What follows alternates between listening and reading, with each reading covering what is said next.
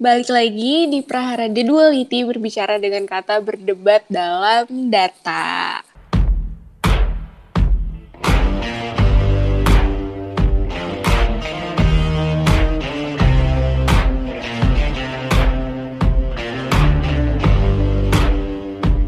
Oke, em, selamat pagi, siang, malam, teman-teman Prahara yang mungkin lagi dengerin kita eh, di podcast episode berapa ya? Hampir lupa deh nih episode berapa. Cuma em, ada yang mau kita bahas nih hari ini. Dan nggak sendirian juga aku di sini. Aku ditemenin sama teman-teman aku.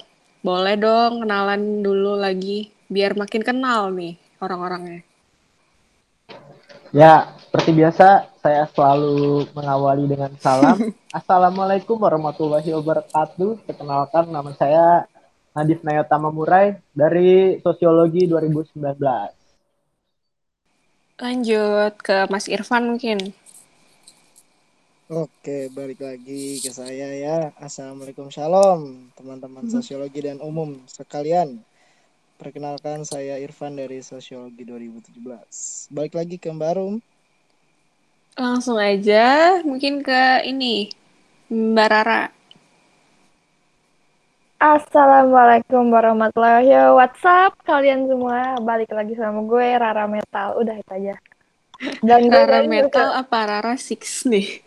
ya, selalu deh. Pokoknya gue sosiologi 2000 berapa ya? 2018.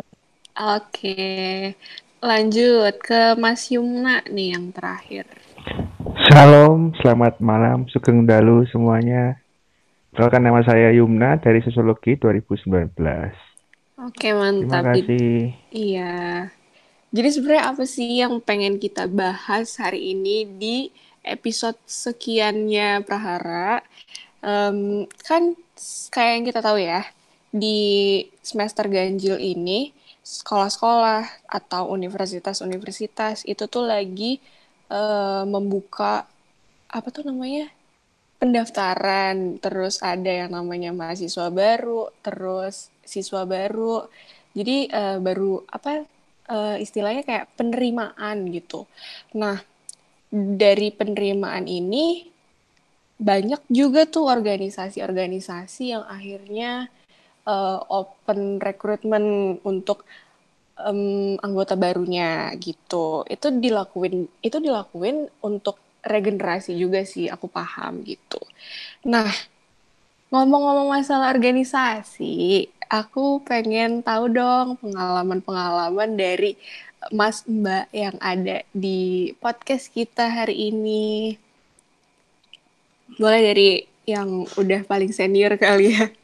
Mas Irfan gimana Mas pengalaman organisasinya dulu waktu pas masih zaman-zamannya eh, baru di Universitas Brawijaya ini. Kok bisa masuk ke Himasigi mungkin atau ke udah ikut apa aja gitu? Ini ngomongin pengalaman berarti. ya. Iya. Sedari banyak banget sih.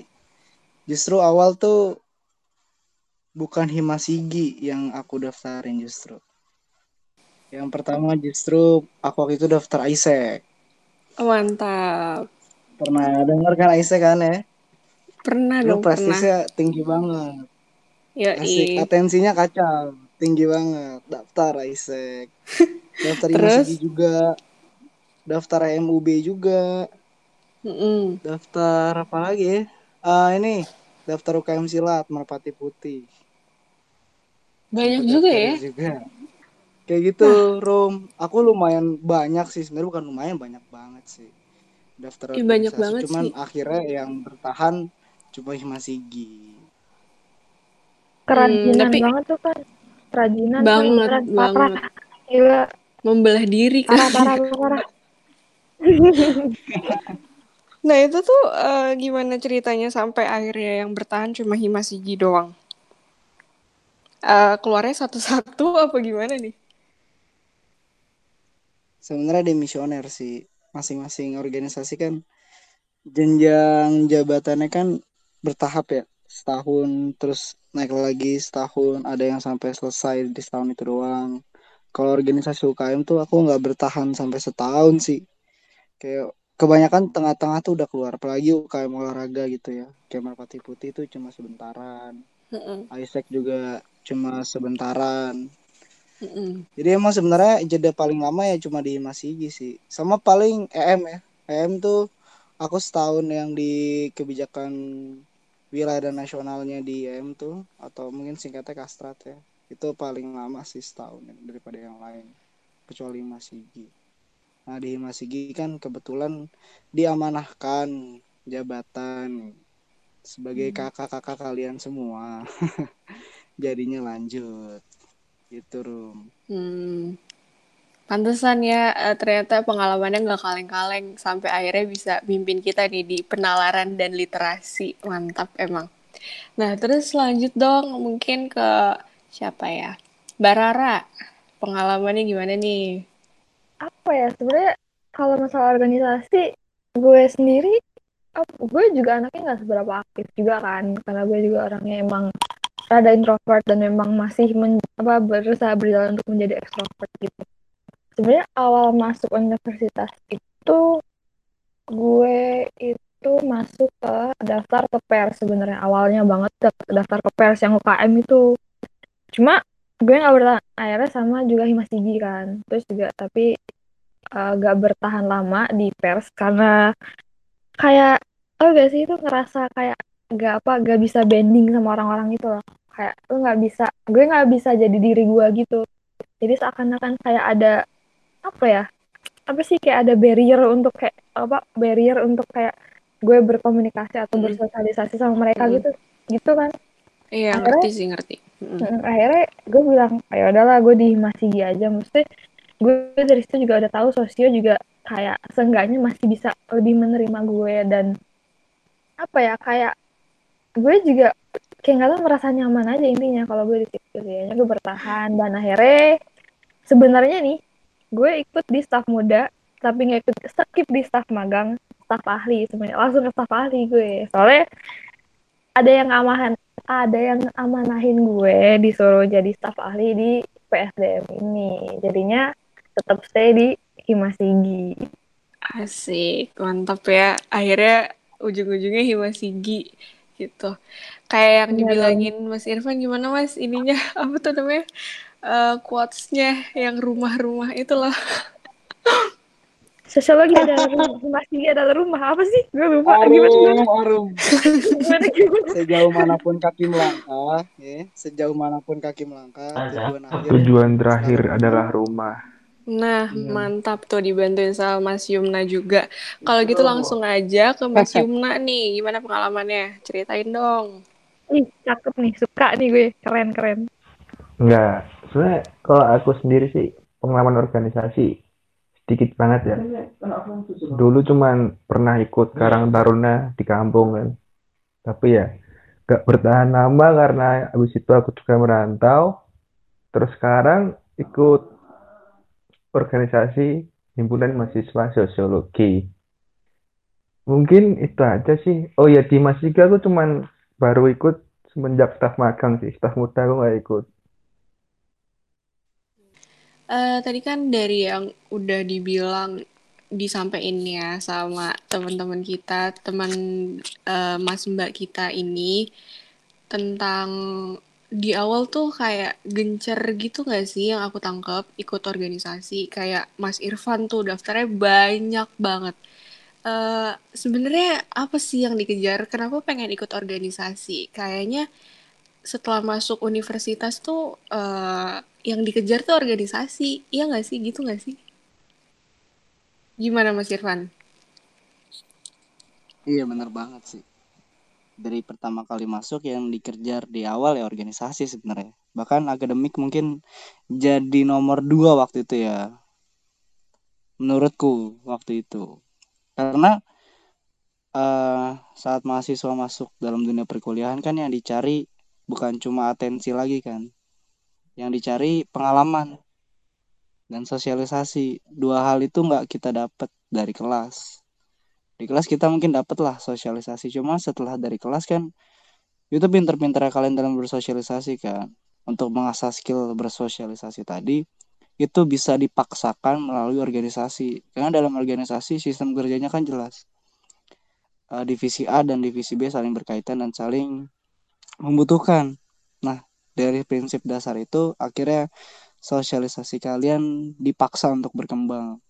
Kalian dipaksa untuk bertemu si A, si B, dan si C dan kalian dipaksa buat bekerja sama dengan si A, si B, dan si C.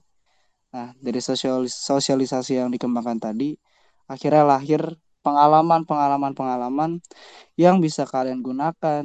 Aku nggak nggak menutup kemungkinan bahwa organisasimu justru nanti malah nggak berguna di lingkup kerja ya, tapi setidaknya dia berguna dalam dunia perkuliahanmu. Kayak gitu sih, Rum. Oke, itu dari Mas Irfan yang tadinya ikut organisasi banyak banget. Uh, terus sampai akhirnya sekarang dia jadi uh, leader kita nih di penalaran dan literasi. Terus mungkin ke ini kali ya, Mas Nadif sekaligus ini ta, apa sih yang sebenarnya pengen dikejar di dalam organisasi ini gitu. Mungkin bisa sekalian tadi ceritain pengalamannya juga. Oke, makasih nih baru nih. Jadi kalau gue sih awal masuk organisasi di universitas terutama uh, itu sebenarnya gue agak ragu sih di awal. Karena gue tuh orang yang tipikalnya kayak cek ombak dulu gitu. Nah, karena waktu itu gue juga belum ini kan apa belum tahu gitu gimana sibuknya anak kuliah tuh kayak gimana gitu. Katanya kan sibuk banget. Jadi gue uh, dari awal langsung tuh netepin masuk ke Himasigi aja gitu satu organisasi aja. Tadinya mau dua sama bem mm-hmm. gue awal-awal mau nyoba. Cuma ternyata pas waktu pendaftaran tuh disuruh kayak ngeprint ngeprint banyak gitu coy aduh saya mager kan karena saya mager jadi ya udahlah ganti aja kita masuk di uh, Himasigi aja satu aja lah nggak usah dua-dua saya nggak suka mendua orangnya. Alah. Oke, gitu ya. Nah, tapi tadi belum diceritain nih, kenapa sih pengen ikut organisasi? Kenapa nggak ya kuliah aja gitu, nggak usah ada organisasi? Gini ya, mungkin kalau gue sih lebih ke apa? Agak kepancing sih waktu itu, karena uh, di zaman tahun 2019 baru masuk kan itu kayak banyak isu-isu yang lagi hype tuh tentang mahasiswa, tentang demo-demo. Nah, gue tuh kayak pengen, kayaknya kalau gue masuk organisasi tuh gue punya akses deh untuk sekritis itu jadi mahasiswa. Makanya gue uh, milih masuk untuk, ya udah, ayolah kita masuk organisasi aja gitu. Oke, jadi biar apa tuh namanya mengasah kritis gitu ya? Iya, pada awalnya gue pengennya kayak gitu. Sama ini, sebenarnya tuh gue orang yang biasanya kalau berteman itu nggak banyak ya gue temenan tuh nggak banyak orang gitu enggak jadi gue uh, mungkin karena di kota rantau juga ya jadi gue kayak mm-hmm. kayaknya dengan gue masuk organisasi gue bisa deh uh, menjaring teman yang lebih banyak gitu loh oh, ngerti gua, ngerti ya asik organisasi gitu deh masuk tuh akhirnya jadi buat uh, kritis terus buat jaringan tadi itu uh, setuju sih kurang lebih kita sama kayaknya. Hmm, terus mungkin lanjut ke Karara nih. Apa sih Kak yang pengen dikejar di organisasi ini? Kalau gue sendiri ya, yang mau dikejar itu sebenarnya kalau awal-awal banget itu tuh ya tahu kan ya zamannya kita apa kita masih maba gitu bener-bener yang namanya hype organisasi gitu kan. Gue pengen ikut organisasi meskipun kayak terus sebenarnya nggak tahu ngapain aja buat terus juga buat apa gitu sebenarnya nggak tahu kan. Cuma karena hype itu ya gue ikut aja gitu jadi daftar-daftar aja gitu. Dan terutama juga apalagi kan waktu itu tuh yang apa waktu awal masuk universitas gue juga minat passion dalam menulis gue sangat-sangat tinggi kan. Jadi udahlah gue ikut aja pers atau ikut dulu ikut jurnalistik kan. Ya udahlah gini aja udah ikut aja deh gimana gimana hmm. gitu. Akhirnya kayak ya ini ini kayak lama-lama jadi organisasi buat gue tuh bukan kayak sebuah kesenangan lagi malah jadi kayak udahlah gue ngisi waktunya daripada gue gabut di kosan cuma nonton apa nonton film doang kan ya ya udahlah terus juga terus juga buat ketemu orang baru sambil sama kayak Nadif tuh mm. karena gue juga gak punya banyak temen kan jadi siapa tahu gue bisa lebih membuka diri dan menemukan teman gitu gitu aja sih bang kalau dari gue Oke. isi waktu sebenarnya udah itu aja Heeh. Ngisi waktu, nyari temen, kurang Udah. lebih kayak gitu ya. Iya. Kalau Mas Yumna, Yum, gimana nih? Kenapa peng eh, alasan ikut organisasi gitu loh? Apa sih yang pengen dikejar? Oke, kalau dari aku sih ikut organisasi ya yang jelas aku mau nyari relasi pengalaman ya sebenarnya simpel sih dan ya jawabannya pokok gitu loh. Tapi ya emang itu inti dari aku buat ikut organisasi. Soalnya aku sendiri juga orangnya tipe orang yang apa ya eh, nggak terlalu berani ngomong di depan orang banyak. Jadi aku juga mau belajar sekalian belajar gitu.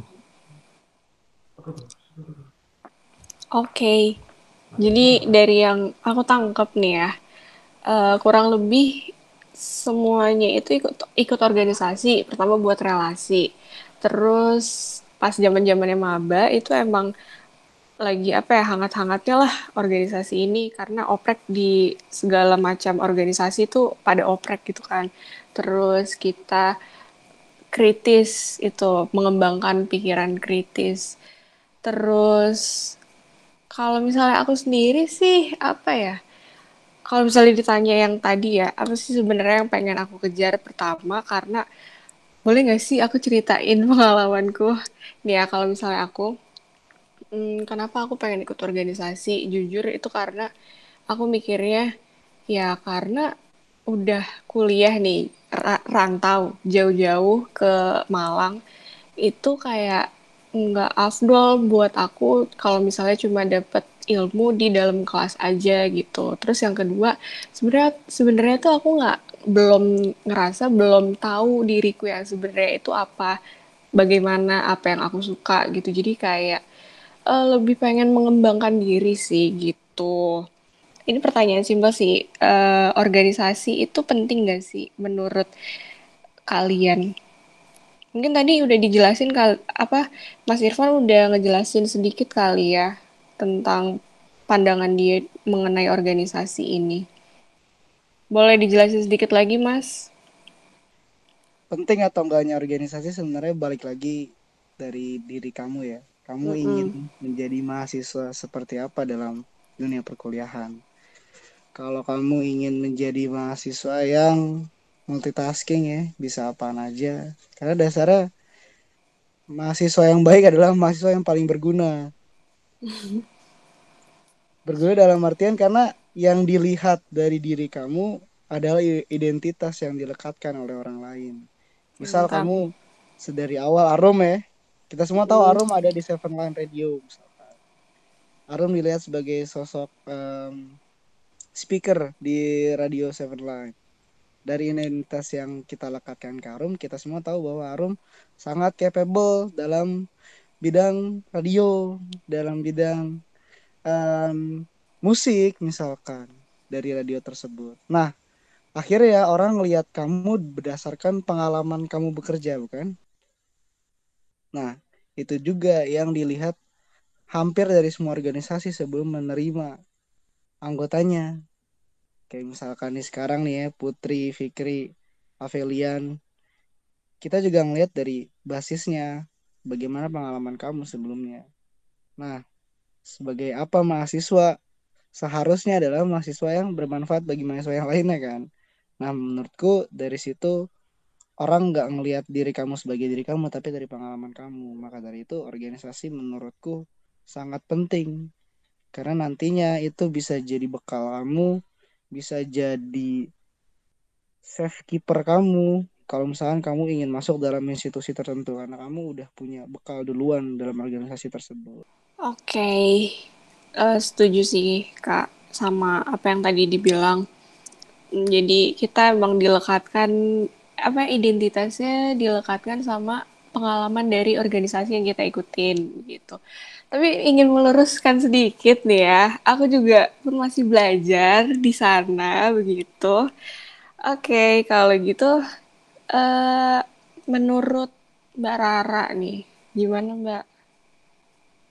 Jadi sebenarnya buat gue sendiri organisasi itu antara 50-50 sih.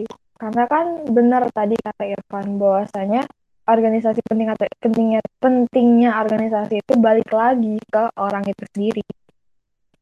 Eh, seperti yang gue bilang bahwa itu 50-50 karena ya kalau buat gue antara pen, gak penting karena mungkin gue anaknya juga nggak terlalu pengen banyak sosialisasi dan gue juga tertutup dan gue juga merasa gue tuh kayak gak seberapa sebanding daripada orang lain gitu kan cuma penting organisasi bahwasanya gue ini loh gue pengen ngasih sesuatu ke masyarakat ini loh gue pengen gue pengen ngasih sesuatu ke kalian. Dan gue tuh pengen ngebuktiin bahwasanya gue ber, gue bisa kok berguna buat kalian itu mungkin apa buat apa aja gitu loh bisa aja. Misalnya gue nyumbangin misalkan gue nyumbangin tulisan gue atau gue nyumbangin kayak misalnya kayak ini apa sharing cerita gue ke podcast ini juga gitu kan.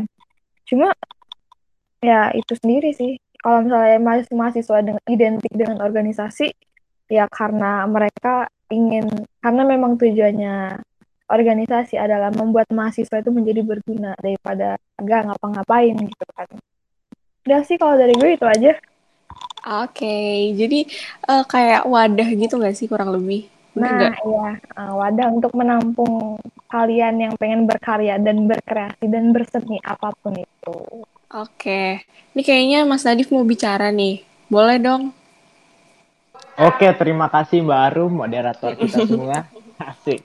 Jadi kalau gue sih ya agak mirip sih sebenarnya sama yang lain, cuma gue uh, tetap sama kadang tuh ada loh mahasiswa yang nganggep organisasi tuh nggak penting. Biasanya kalau gue sih yang lihatnya tuh biasanya karena ternyata dia tuh punya goals yang berbeda dari mahasiswa mahasiswa-mahasiswa yang lain gitu. Kan kayak kalau yang tadi Mas Irfan bilang, yang tadi Mbak Rara bilang, katanya uh, mahasiswa yang baik adalah yang berguna bagi mahasiswa lainnya gitu. tapi ternyata sebenarnya tuh kalau kita mau cari ada juga tahu orang-orang tuh yang uh, goals mereka tuh bukan itu. Jadi sebagai mahasiswa ada yang goalsnya kayak untuk berprestasi atau enggak uh, prestasi akademik ya atau enggak uh, ngejar beasiswa. Nah biasanya mahasiswa-mahasiswa yang punya goals kayak gitu tuh mereka sih yang uh, apa uh, kadang dia nganggep organisasi itu nggak penting dan membuang waktu.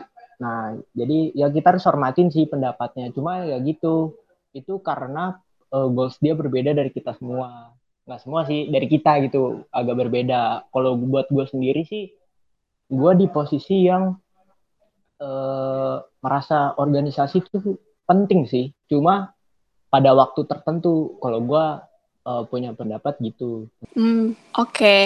jadi emang pendapat kita mengenai suatu hal tuh emang beda-beda sih, setuju.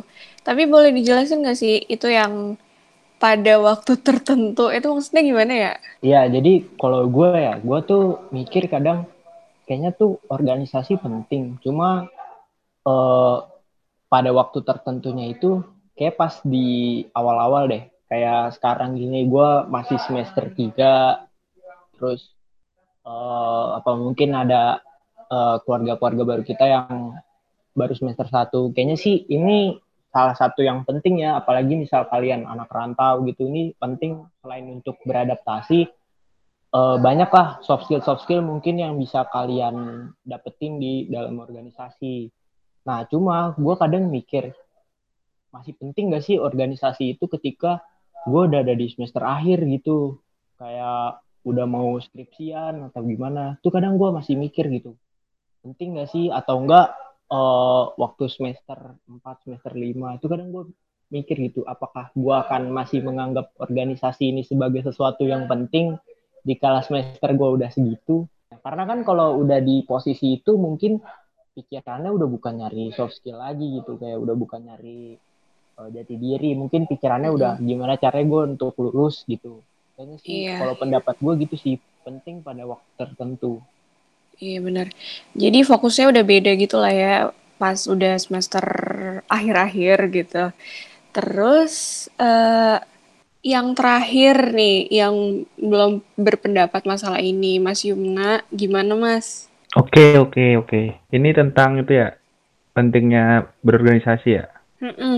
Dari aku sih organisasi itu apa ya lebih banyak pentingnya sih memang soalnya ya di organisasi kita bisa uh, untuk menambah pengalaman, belajar berorganisasi, mencari relasi, pertemanan hmm. dan sebagainya seperti itu. Pokoknya ya sebagai modal buat kita ke depannya apalagi kan menurutku sih di dunia kerja juga nggak beda jauh sebenarnya sistemnya seperti organisasi sekarang gitu. Oke, okay. intinya penting buat modal kita di masa yang akan datang, gitu nggak Mas ya, Tapi sebenarnya balik lagi ke huh? pribadi kita masing-masing, yang soalnya percuma juga kita ikut organisasi, tapi kita apa ya ngejalaninnya tuh suka-suka gitu. Mm -mm. Termasuk saya. Gak usah jujur gitu dong. Oke. Okay. Uh, eh, tapi aku boleh tahu nggak sih, tadi kan ada apa tuh namanya tujuan yang ingin dicapai di organisasi ini dari yang udah aku tangkap tadi. Terus menganggap organisasi ini penting buat uh, ini itu segala macem. Tapi sebenarnya dari yang dirasain sampai sekarang udah beneran didapetin gak sih menurut kalian? Dari siapa ya? Mungkin dari Mbak Rara. Kalau dari aku sendiri sih manfaat organisasi selama ini ya, terutama Himasigi yang benar-benar emang aku bener udah komitmen dan emang yang nggak pernah pasti biasanya kayak nggak pernah aku lepasin gitu ya. Itu bermanfaat sih aku dapat banyak banget manfaatnya. Atau enggak impactnya ke aku di diri aku sendiri tuh ada. Pertama kayak aku bisa lebih terbuka sama orang lain terus kedua aku juga bisa apa sih apa ya namanya uh, mengeluarkan isi pikiranku tentang isu-isu yang lagi berkembang atau isu sosial segala macam dan okay. ketiga itu dia aku bisa memperluas relasiku dan itu emang udah tujuan aku dari awal di situ jadi okay. kalau dari aku itu aja jadi udah bisa dirasain gitu ya Iya, hmm, udah hmm. kalau dari yang lainnya nih gimana nih kalau dari gua ya mungkin uh, balik lagi ke tujuan awal gua kan tujuan awal gua tuh untuk apa ya mengasah agar lebih kritis sama untuk nyari relasi ya. Mm. Uh, kalau gue sih mungkin salah satu tujuan gue uh, udah udah mulai ber, ada manfaatnya gitu kayak yang tentang kritis itu. Gue nggak merasa diri gue kritis, cuma kayaknya tuh setelah gue masuk organisasi khususnya Himasigi, begitu gue di bidang penalaran dan literasi ya kan PSDM jadi uh, eh, gue kayak project-project gue tuh secara nggak langsung nuntut gue untuk selalu aware gitu loh sama isu-isu sekarang tuh apa aja. Jadi gue merasa gue sudah mulai mengarah ke situ tuh. Gue sudah mulai mendapatkan manfaat dari organisasi itu sesuai tujuan awal gue cuma kalau uh, yang bagian relasi sih kayaknya gue masih belum mendapatkan manfaat itu deh. Cuma gue bukan di organisasi sih yang gue anggap kayak masih kurang tapi di dari gue sendiri kayaknya tuh gue masih belum bisa apa ya membaur gitu loh. Masih belum bisa membaur masih belum bisa seakrab teman-teman yang lainnya lah dalam satu organisasi. Kayak sih gue masih belum dapat manfaat itu. Cuma kayaknya Sun gue bakal dapet. Dapet oke. Okay. yakin kok yakin bisa dapet ya. Uh, kalau menurut Mas Yumna gimana? Oke. okay kalau selama aku berorganisasi sih yang aku dapetin apa ya? Saya jujur ya kalau untuk masalah relasi tuh aku justru dapetinnya di luar organisasi. Mm-hmm. Kayak waktu nongkrong, terus ngobrol sama orang, ketemu, ngopi bareng, begitulah. Yeah. Cuman kalau di organisasi menurutku justru relasinya ya udah itu itu aja, mm-hmm. lingkupnya itu itu doang gitu. Okay. Tapi dari organisasi yang aku dapetin paling ya pengalaman doang sih sebenarnya.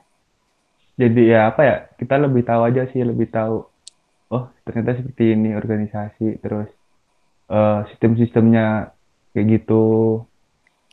Ya pengalaman jadi kapal juga ya nggak sih? Aduh nggak usah agak-agak gimana gitu.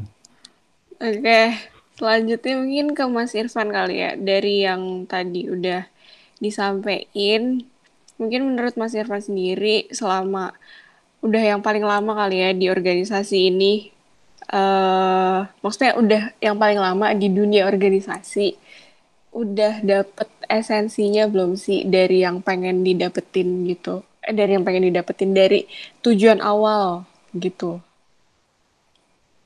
Sebenarnya kalau misalkan tujuan awalku kan tadi aku bilang aku pengen bersosialisasi dan punya banyak uh, teman gak cuma teman tapi juga kolega ya.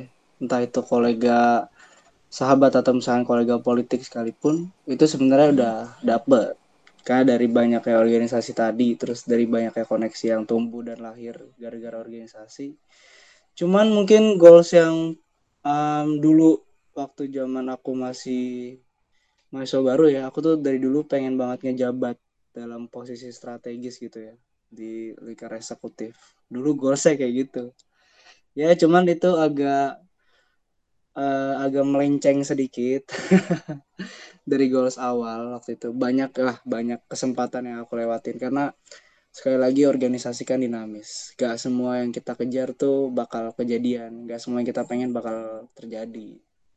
Gak semuanya yang kita rencanain bakal sesuai dengan apa yang apa yang kita harapkan kan jadi uh, sejauh ini aku belajar dan berproses dalam organisasi akhirnya hasil akhirnya bukan aku yang menentukan sebetulnya.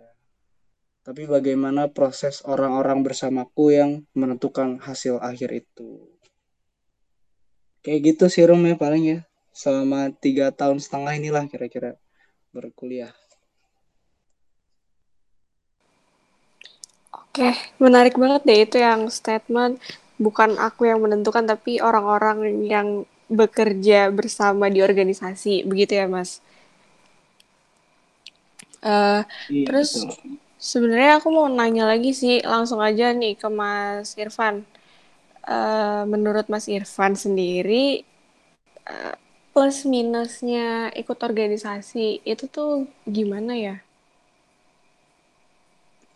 Plus minus ikut uh -uh. organisasi plusnya mungkin yang dari teman-teman tadi udah jabarin ya dari awal ya. Mm-hmm, benar. koneksi sama pencarian jati diri lah kira-kira. Iya. Yeah. Tapi uh, negatifnya mungkin ya normalnya waktu sih. Waktu free kalian pasti kepotong. Itu udah jelas banget sih. Udah jadi rahasia umum lah. Uh-uh. Yang kedua soal idealisme. Ini nah, gimana tuh? Apa ya? Mungkin jarang diperhatikan oleh teman-teman yang masih sebagai mahasiswa baru nih ya, buat idealisme. Saat lo masuk organisasi, lo harus rela ngebuang idealisme lo secara pribadi dalam kerja berorganisasi. Kenapa? Karena dalam berorganisasi lo punya landasan di organisasi tersebut, punya idealisme sendiri di organisasi tersebut yang mana itu jadi idealisme kolektif. Mm -mm. Lo dan teman-teman lo bekerja singkat ya kalau misalkan dalam sebuah organisasi Islam tapi lo punya idealisme Kristen ya lo nggak bisa lo harus ikutin idealisme Islam temen-temen lo idealisme Islam organisasi lo itu mm. dalam organisasi uh, satu untuk semua jadi satu idealisme ini untuk semua orang dalamnya kayak gitu kayak Himasigi contohnya solid satu jiwa kan udah idealisme yang mendarah daging Iya, Kalau lo punya idealisme yang lain kayak misalkan gue punya idealisme satu dua tiga teknik misalnya, ya nggak bisa, nggak bisa. Lo kudu masuk dan lo kudu ngikutin solid satu jiwa itu sebagai idealisme dalam organisasi. Uh-uh. Itu ya dalam organisasi. Kalau misalkan lo keluar dari organisasi itu, lo nggak memakai atribut organisasi lo, lo bisa. Tapi kalau lo mengatasnamakan organisasi lo, lo nggak bisa kayak gitu itu yang mungkin paling jarang di di apa ya diperhatikan ya. Dan gue ngeliat ini yang jadi miskonsepsi sama mispersepsi nantinya dalam berorganisasi. Nah terus yang ketiga dalam organisasi lo gak bisa selalu dan selamanya nganggep teman-teman lo tuh teman. Ini Waduh, gimana nih maksudnya? Pahit ya karena gini dalam organisasi nyatanya nggak semuanya memperjuangkan hal atau nilai-nilai yang sama dalam organisasi itu. Gue nggak nyebut ya organisasinya mana ya. Gue nggak nyebut. Let's say dari pengalaman deh. Karena ada aja saat lo memperjuangkan nilai organisasi lo ya berbarengan kayak gue pengen nih misalkan organisasi gue keadilan sosial lah contoh gue pengen banget nih memperjuangkan keadilan sosial tapi ternyata ada temen lo yang memperjuangkan kepentingan yang lain. Ada temen lo yang memperjuangkan kepentingan yang lain secara tipis-tipis tanpa lo sadarin atau secara terbuka karena lo lawan mainnya. Itu lo harus hati-hati. Karena lagi-lagi dalam setiap organisasi pasti ada politisasinya. Jangan pernah menutup mata soal itu. Bahkan ada juga yang harusnya jadi keluarga yang utuh dalam satu organisasi tapi gue gak ngerasa sebagai sebuah keluarga secara utuh ya. Justru malah kira bikin keluarga sendiri dalam keluarga wannabe secara organisasi itu. Ibaratnya dalam sebuah keluarga ada keluarga lagi. Kayak gitu Rom. Ini yang mungkin nih jadi cerita aja sih buat temen-temen ya biar kalian tahu ke dalam organisasi nggak cuma hahaha hihi bareng-bareng aja tapi ada juga hahihi tanpa lo dengar di belakang lo. Hmm, ya, ini dia kayak apa ya istilahnya kayak di other side dari organisasi. Makasih nih Mas Irfan buat masukannya. Kayaknya jadi pemantik buat jawaban teman-teman yang lain. Mungkin dari Mbak Rara nih, kayaknya pengen ngomong. Kalau menurut gue, ada momen di mana ketika lo ikut organisasi dan lo punya sesuatu yang harus dikerjakan di organisasi itu dan posisi lo posisi lo tuh lagi juga lagi misalkan entah lo banyak pikiran atau gimana itu malah bikin lo semakin banyak pikiran. Dan lo tau ketika lo banyak pikiran apa namanya performa apa namanya kerjaan lo di organisasi atau di mana pun itu bakalan nggak nggak semaksimal yang seharusnya gitu loh dalam satu organisasi itu. Dan jadinya kayak kita mau kerja sama itu rasanya kayak udah kewajiban tapi kita rasa juga kayak nggak enak gitu. Seperti gak sih? Paham gak sih? Kayak gitu dah pokoknya. Dan itu yang paling nggak enak sih menurut gue dari organisasi dan minusnya itu paling jelek menurut gue di situ. Cuma ya udahlah ya so far so good so what? Oke, makasih nih Mbak Rara buat masukannya. Jadi eh, aku sedikit menyimpulkan dulu kali ya dari Mas Irfan sama Mbak Rara tadi. Organisasi itu kan isinya banyak orang nih ya, emang sih. Berarti kayak kita harus menyesuaikan ideologi kita dengan ideologi yang ada di organisasi itu. Bener nggak Mas Irfan? Kayak gitu nggak sih maksudnya tadi? Betul, betul. Iya, dan kalau misalnya, dan ternyata dalam satu organisasi itu bisa ada multi ideologi dari uh, orang-orang di dalamnya, dan itu bisa mungkin aja bisa jadi kalau kata Mbak Rara itu bisa menimbul menimbulkan perpecahan gitu. Nah kalau menurut Mas Nadif sama Mas Yumna sendiri gimana nih? plus minusnya organisasi dari yang kalian lihat, dari yang kalian alamin mungkin? Wah menarik juga sih ya. Gue tadi agak tertarik sama omongannya Mas Irfan sih tentang yang idealisme itu. Uh, kayaknya sih, tapi gue sih punya pendapat kalau sebenarnya tuh ikut organisasi bukan berarti lu nggak bisa untuk jadi idealis gitu. Lu tetap bisa jadi idealis, cuma bakal banyak rintangannya cuy karena apa ya kayak lu diri lu itu di situ kayak lebih diuji lagi dengan beberapa ideologis lain yang nyampur jadi satu. Sedangkan uh, apa organisasi lu sendiri tuh punya satu idealisme juga gitu. Jadi lu kayak agak lebih tricky aja sih untuk nyesuain kayak gitu. Dan uh, mungkin dari contoh-contoh yang ada kayaknya lebih banyak yang kehilangan idealismenya kali ya di dalam organisasi gitu. Uh, oke okay, oke. Okay. Jadi kita nggak sepenuhnya menghilangkan ideologi kita, tapi kayak agak mengalah sedikit lah ya.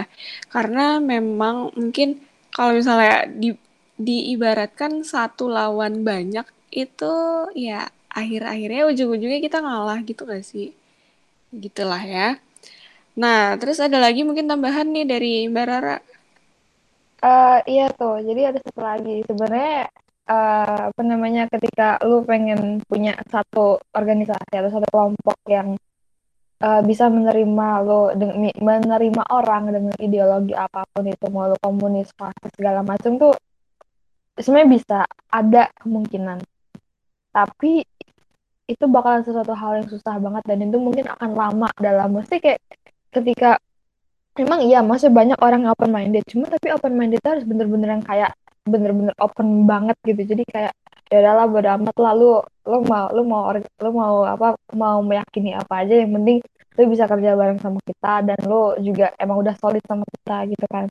Di situ dan masalahnya itu lu menemukan orang open minded yang bener-bener open banget sampai kayak bodo amat dengan apa namanya orang pribadi orang kayak gimana tuh susah banget di situ sih problematikanya jadi menurut gue organisasi itu harus dipenuhi dengan orang-orang semacam itu gitu iya, oke. Okay. Jadi begitu ya kalau menurut Mbak Rara. Nah, mungkin kita ke Mas Yumna dulu nih. Gimana Mas? Mungkin dari aku sendiri yang saya rasain, terus dari cerita teman-temanku gitu, banyak yang bilang kok organisasi itu sedikit uh, apa ya membebani waktu lah. Soalnya kan nggak semua orang juga bisa mengatur waktu dengan baik apalagi kan juga tugas kuliah kan banyak gitu kan numpuk-numpuk gitu. Terus apalagi ya sama kok dadaku sendiri sih kalau minusnya paling ini apa namanya kalau kita apa ya kita sekedar fokus di organisasi doang terlalu apa ya kita terlalu mendalami organisasi jadi kita justru lupa sama dunia luar gitu. Ibaratnya lupa sama dunia nyata. Lupa untuk membangun relasi di dunia luar terus jiwa sosial kita juga ya udah di situ aja gitu. Hmm, kayak stuck gitu? Ah benar iya iya. Hmm, oke. okay. Tapi tapi kalau masalah yang waktu itu itu masalahnya masuk ke konsekuensi enggak sih, Mas? Soalnya kan pas di awal mau masuk nih ya, wawancara, screening, pasti tuh ditanyain, bisa nggak kira-kira membagi waktu segala macam, komitmennya gimana? Itu kayak udah masuk ke konsekuensi, iya nggak? Iya bener itu juga sebenarnya untuk waktu sih menurutku juga menjadi kewajiban kita sebagai anggota sih. Ya kita daftar organisasi ya mau nggak mau kita harus mengikuti peraturan yang ada gitu kan. Hmm, oke. Okay. thank you Mas Yumna. Langsung aja sami -sami. nih katanya Mas Nadip mau berbicara Ya mungkin kalau gue pengen ini ya uh, balik lagi sih agak tarik mundur dikit tentang idealisme gitu. Kalau gue sendiri tuh mikirnya kayak gini sih. Ada saatnya ketika lu harus berkompromi gitu. Jadi kayak lu harus kompromi sama uh, idealisme lu. Jadi lu gak bisa sepenuhnya idealis gitu loh. Ngerti gak sih kayak kadang-kadang tuh lu harus kayak ya udah ngalah dulu dikit karena Merelakan ada gitu ya. Uh, iya merelakan dikit gitu. Karena ada uh, mungkin uh, ada yang ada orang lain yang punya idealisme sendiri gitu dan agak berbenturan sama lu dan mungkin lu kadang harus mikir gitu kira-kira di dalam kondisi seperti itu tuh mana sih yang lebih penting mana sih yang harus diutamakan dan kadang-kadang lu harus mengalah gitu harus berkompromi dengan idealisme hmm, sendiri hmm. kayak gitu sih iya. tapi bener juga yang tadi disebut Mas Irfan awal-awal ya tentang kadang tuh kalau gue ngerasa ya agak nggak sesuai realita gitu kadang ada di mana lu udah menghilangkan ego lu nih kayak oke okay lah gue agak ngalah biar urusan nggak sepanjang itu gitu lu merelakan ego lu, merelakan keinginan lu mungkin. Nah, tapi ternyata tuh kadang nggak sesuai realita gitu. Ada juga mungkin yang dari satu organisasi lu tuh yang gimana ya?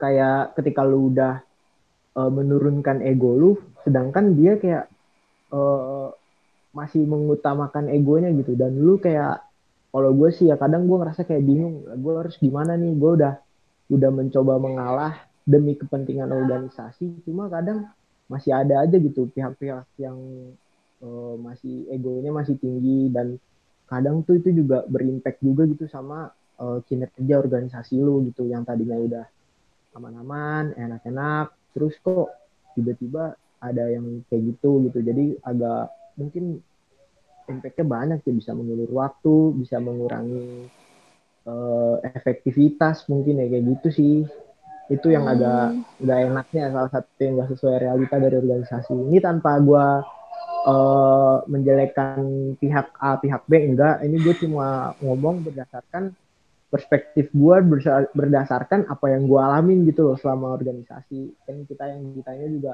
plus minusnya gitu. Itu sih gue yang iya iya benar. Gini ya organisasi ya gitu loh. Iya. Jadi kayak dari yang aku tangkep nih ya semuanya udah mengutarakan pendapatnya kan ya. Dari yang aku tangkep kayak kita akan semakin tahu mengenai organisasi ini setelah kita terjun lama mungkin atau lebih dalam. Jadi kayak uh, mendiscover fakta-fakta baru tentang organisasi. Ternyata organisasi nggak cuma hahaha hihihi doang gitu. Terus nggak cuma nggak cuma apa yang terlihat di permukaan aja gitu loh. Nah, kayak dan di organisasi ini juga kita bersinggungan sama banyak pihak gitu ya nggak bener kan? Uh, mesti menyesuaikan apa ya bu kadang-kadang kita harus merelakan apa yang kita idealisasikan dengan idealnya orang lain begitu. Nah, begitu sih dari yang aku simpulkan. Mungkin uh, ada yang mau menyimpulkan lagi nih? Nih, satu satu kalimat dari gue. Mm -mm. Dunia luar tidak se tidak seindah yang anda kira, Bung. Pasti selalu lebih jelek daripada ekspektasi kalian. Iya, jadi kadang yang kita lihat cuma permukaannya aja gitu ya. Oh ya jelas. Boleh, oh, ada lagi yang mau... Katanya, iya, dalamnya hancur semua. Uh, Mungkin ada lagi yang mau nambahin? Ya, uh, kalau gue sih mungkin gini deh. Uh, ketika lu udah tahu tujuan lu itu apa, ketika lu uh, apa mendapatkan segitu banyaknya manfaat dari ikut organisasi, ada harga yang harus lu bayar, men. Di situ. Jadi uh, selain lu dapet enak-enaknya, organisasi tuh nggak sepenuhnya lu enak terus. Ada aja di saat-saat tuh di mana kadang lu nggak mood untuk ngerjain atau enggak kadang lu punya problem pribadi sendiri yang harus lu selesain yang harus diutamain. Tapi di sisi lain lu uh, apa punya tuntutan juga di organisasi. Nah itu lu harus bisa pinter-pinter banget nentuin mana prioritas lu sih. Itu salah satunya. Terus kadang uh, mental. Mental juga kita kadang uh, agak lumayan gambling sih kalau gua ngerasainnya. Kayak kadang tuh lu bisa jadi mental lu bisa terbentuk itu atau enggak kadang lu bisa agak ngedown gitu. Kayak gue pernah ngerasain waktu itu ada waktu pas kajian online gitu itu gue moderator cuma agak nggak jelas gitu ya pas pas moderator tuh agak kurang sih kalau menurut gue dan itu tuh gue mulai apa ya kayak ngerasa malu cuy. Tiap gue ngomong tuh gue kayak ngerasa malu mental gue kayak anjing kayak gue gimana? gitu kayak gak enak banget. Nah itu tuh gue kayak ngerasain hal yang gak enak banget sih setelah setelah itu ya setelah kesalahan hmm. gue karena itu juga kayak ngelambangin kajiannya himpunan coy. Sedangkan gue se secupu itulah jadi moderator itu cukup nggak enak cukup mengganggu gue sih selama beberapa hari. Cuma ya balik lagi itu ada harga yang harus lu bayar di setiap enak-enaknya dari organisasi. Kayak gitu sih Iya. Pinter pilih prioritas lah. Oke, okay. banget nih okay. uh, kesimpulan dari Mas Nadib yang aku garis bawahin banget tuh ya. Ada harga yang mesti dibayar. Itu aku setuju juga tentang itu. Dan masalah kesalahan, it's okay nggak sih? Kayak kita juga belajar di sini. Kayak yang tadi di awal dibilang, um, organisasi itu wadah juga nggak sih begitu? Oke lanjut, mungkin ada lagi yang mau menambahkan tentang inti dari apa sih yang kita bicarain hari ini. Mungkin dari aku Rum ya. Boleh. Dari aku sih simpelnya saat kamu masuk organisasi mana pun, seberapa lama kamu masuk organisasi itu jangan pernah dieksploitasi oleh organisasi tersebut. Tapi justru kamu lah yang mengeksploitasi organisasi tersebut buat pengalaman dan bekalmu nanti. Oke, makasih Mas Irfan buat statement terakhir nih dari dari yang udah datang di podcast Prahara hari ini. Pokoknya mak makasih banyak buat insight-insight hari ini. Aku juga dapat banyak hari ini. Semoga ya kita bisa terus belajar di organisasi ini ya nggak sih?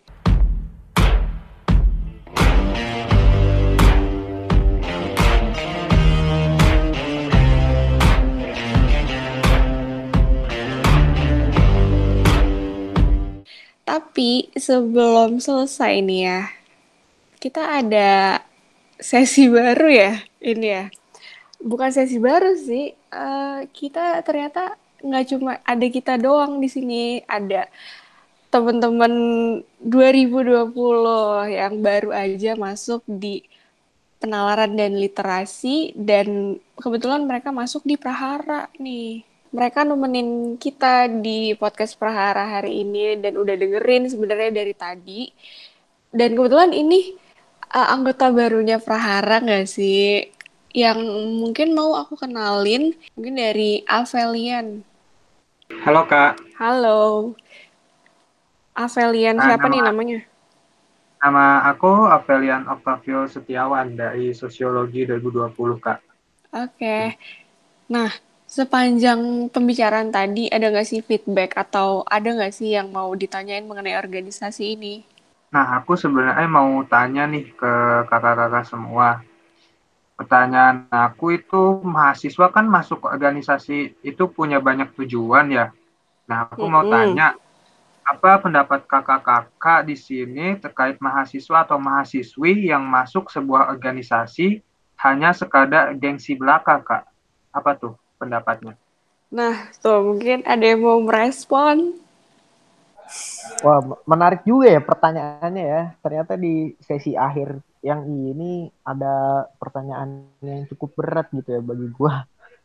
Gimana pendapatnya tentang eh, mahasiswa yang masuk organisasi hanya sekedar gengsi belaka? Sebenarnya gini sih ya, kalau gua tuh gue justru nggak menyalahkan mereka-mereka yang masuk organisasi hanya sekedar gengsi ya karena misalnya mahasiswa baru gitu masuk organisasi itu ya biasanya mereka e, mencari jati diri gitu loh. Kayak sebagaimana gua dulu pernah ngelakuin itu gitu. Jadi kalau e, motivasinya karena gengsi sih gua nggak terlalu mempermasalahkan hal itu ya. Cuma mungkin ada satu poin yang harus digarisbawahi. Jadi gini ketika lu udah masuk organisasi itu kadang kalau yang didasarin sama gengsi itu bisa punya dua kemungkinan.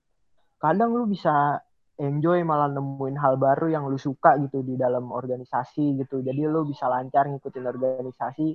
Kadang juga karena gengsi lu masuk organisasi dan ternyata di dalam organisasi itu tuh lu nggak ngerasa cocok gitu di situ. Lu nggak ngerasa ah kayak gue bukan bukan gue banget nih. Kadang ada juga yang kayak gitu. Jadi kalau menurut gue sih uh, lebih kenalin lagi diri lu sendiri sih. Ada baiknya sih karena ini kan menyangkut banyak pihak ya. Kalau gue sih ada baiknya misalnya lu nggak nemuin kecocokan di situ, ada baiknya lu ngomong gitu. Jadi di dalam organisasi tuh jangan ditutup-tutupin deh. Misalnya lu uh, karena gengsi terus pas masuk lu nggak cocok, sebaiknya jangan gitu. Lebih baik lu terbuka aja sama teman-teman lu. Gue yakin dalam satu organisasi organisasi apa pun itu ada aja kok yang ngertiin lu gitu karena agak bahaya sih. Misalnya lu udah karena gengsi terus lu ikut organisasi dan ternyata lu nggak sesuai di situ tapi lu tetap maksain karena nggak enak sama yang lain. Nah itu tuh biasanya buntutnya ketika lu nggak tanggung jawab sama job desk yang udah lu kasih itu bisa ngerepotin temen lu sih. Bisa bukan lu doang jadinya yang ngerasa nggak enak. Temen lu pun bakal ngerasa susah gitu ada kehadiran lu di situ. Jadi ya lebih baik sampein aja lah gitu sih. Benar. Jadi yang penting juga itu komunikasi ya, gitu ya. Mungkin dari yang lain ada yang mau menanggapi nggak nih? Sebetulnya kalau misalkan mencari gengsi aja banyak sih. Dari dulu kebanyakan orang-orang yang nyari gengsi di di organisasi-organisasi yang prestisnya tinggi. Kebanyakan di tingkat eksekutif sih. Atau di tingkat legislatif kayak model DPM tuh paling banyak yang buat nyari gengsi doang. Itu jadi wajah pertama yang mungkin dia pengen make ya. Kayak wah nanti gue masuk organisasi ini gue dipandang wah banget nih sama teman-teman yang lain. Kebanyakan kan gitu. Cuman itu di awal nggak bakal jadi masalah. Di awal ya. Tapi bakal jadi masalah kalau misalkan gengsi itu terusan nempel. Karena gengsi kan hasilnya adalah ekspektasi. Kalau misalkan orang ngelihat lo sebagai sebuah karakter kayak wah lo kan biasanya lebih-lebihin dulu nih kalau orang yang gengsian. Pokoknya yang penting gue diterima deh dilebih-lebihin misalkan pas screeningnya. Nah ternyata pas lagi di hasil akhirnya ekspektasi orang-orang di organisasi tersebut terhadap dirinya dia itu bisa jatuh kalau misalkan memang dirinya ternyata tidak qualified buat berada di organisasi tersebut. Jadi mungkin masalah gengsi ini bukan apa ya bukan sebagai sebuah masalah di awal tapi bakal jadi masalah di akhir sih kira-kira gitu. Hmm, benar-benar. Masalah yang melebih-lebihkan tadi tuh ya uh, kayaknya bahkan ada deh yang sampai memalsukan CV gitu. Terus mungkin kita ada lagi nih yang nemenin kita hari ini. Dari Putri Put tanggapan kamu gimana Put? Oh oke okay deh coba ya hmm. aku mau nanya dulu sih sebenarnya gitu. Uh, kan di Himasigi sendiri kan uh, punya staf muda gitu ya, punya anggota baru, punya keluarga baru gitu. Hmm, benar. Tentunya uh, dari mereka sendiri itu terakhir uh, dengan pers, pers, sorry, sorry, perspektif yang berbeda-beda.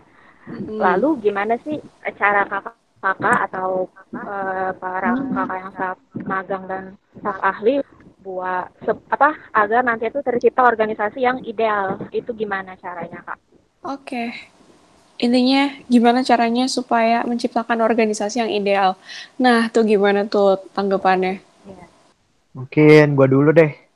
Uh, gimana sih kira-kira ya uh, caranya mewujudkan organisasi yang ideal? Padahal di dalam situ kan yang kita tahu banyak banget gitu perspektif dari orang-orang lain. Kalau gue sih berdasarkan pengalaman gue yang ya cetek lah ibaratnya. Kadang ada saatnya lu harus kompromi dan ninggalin keinginan lu demi keinginan orang lain karena keinginan orang lain itu lebih lebih apa lebih berguna mungkin ya untuk organisasi lebih bermanfaat.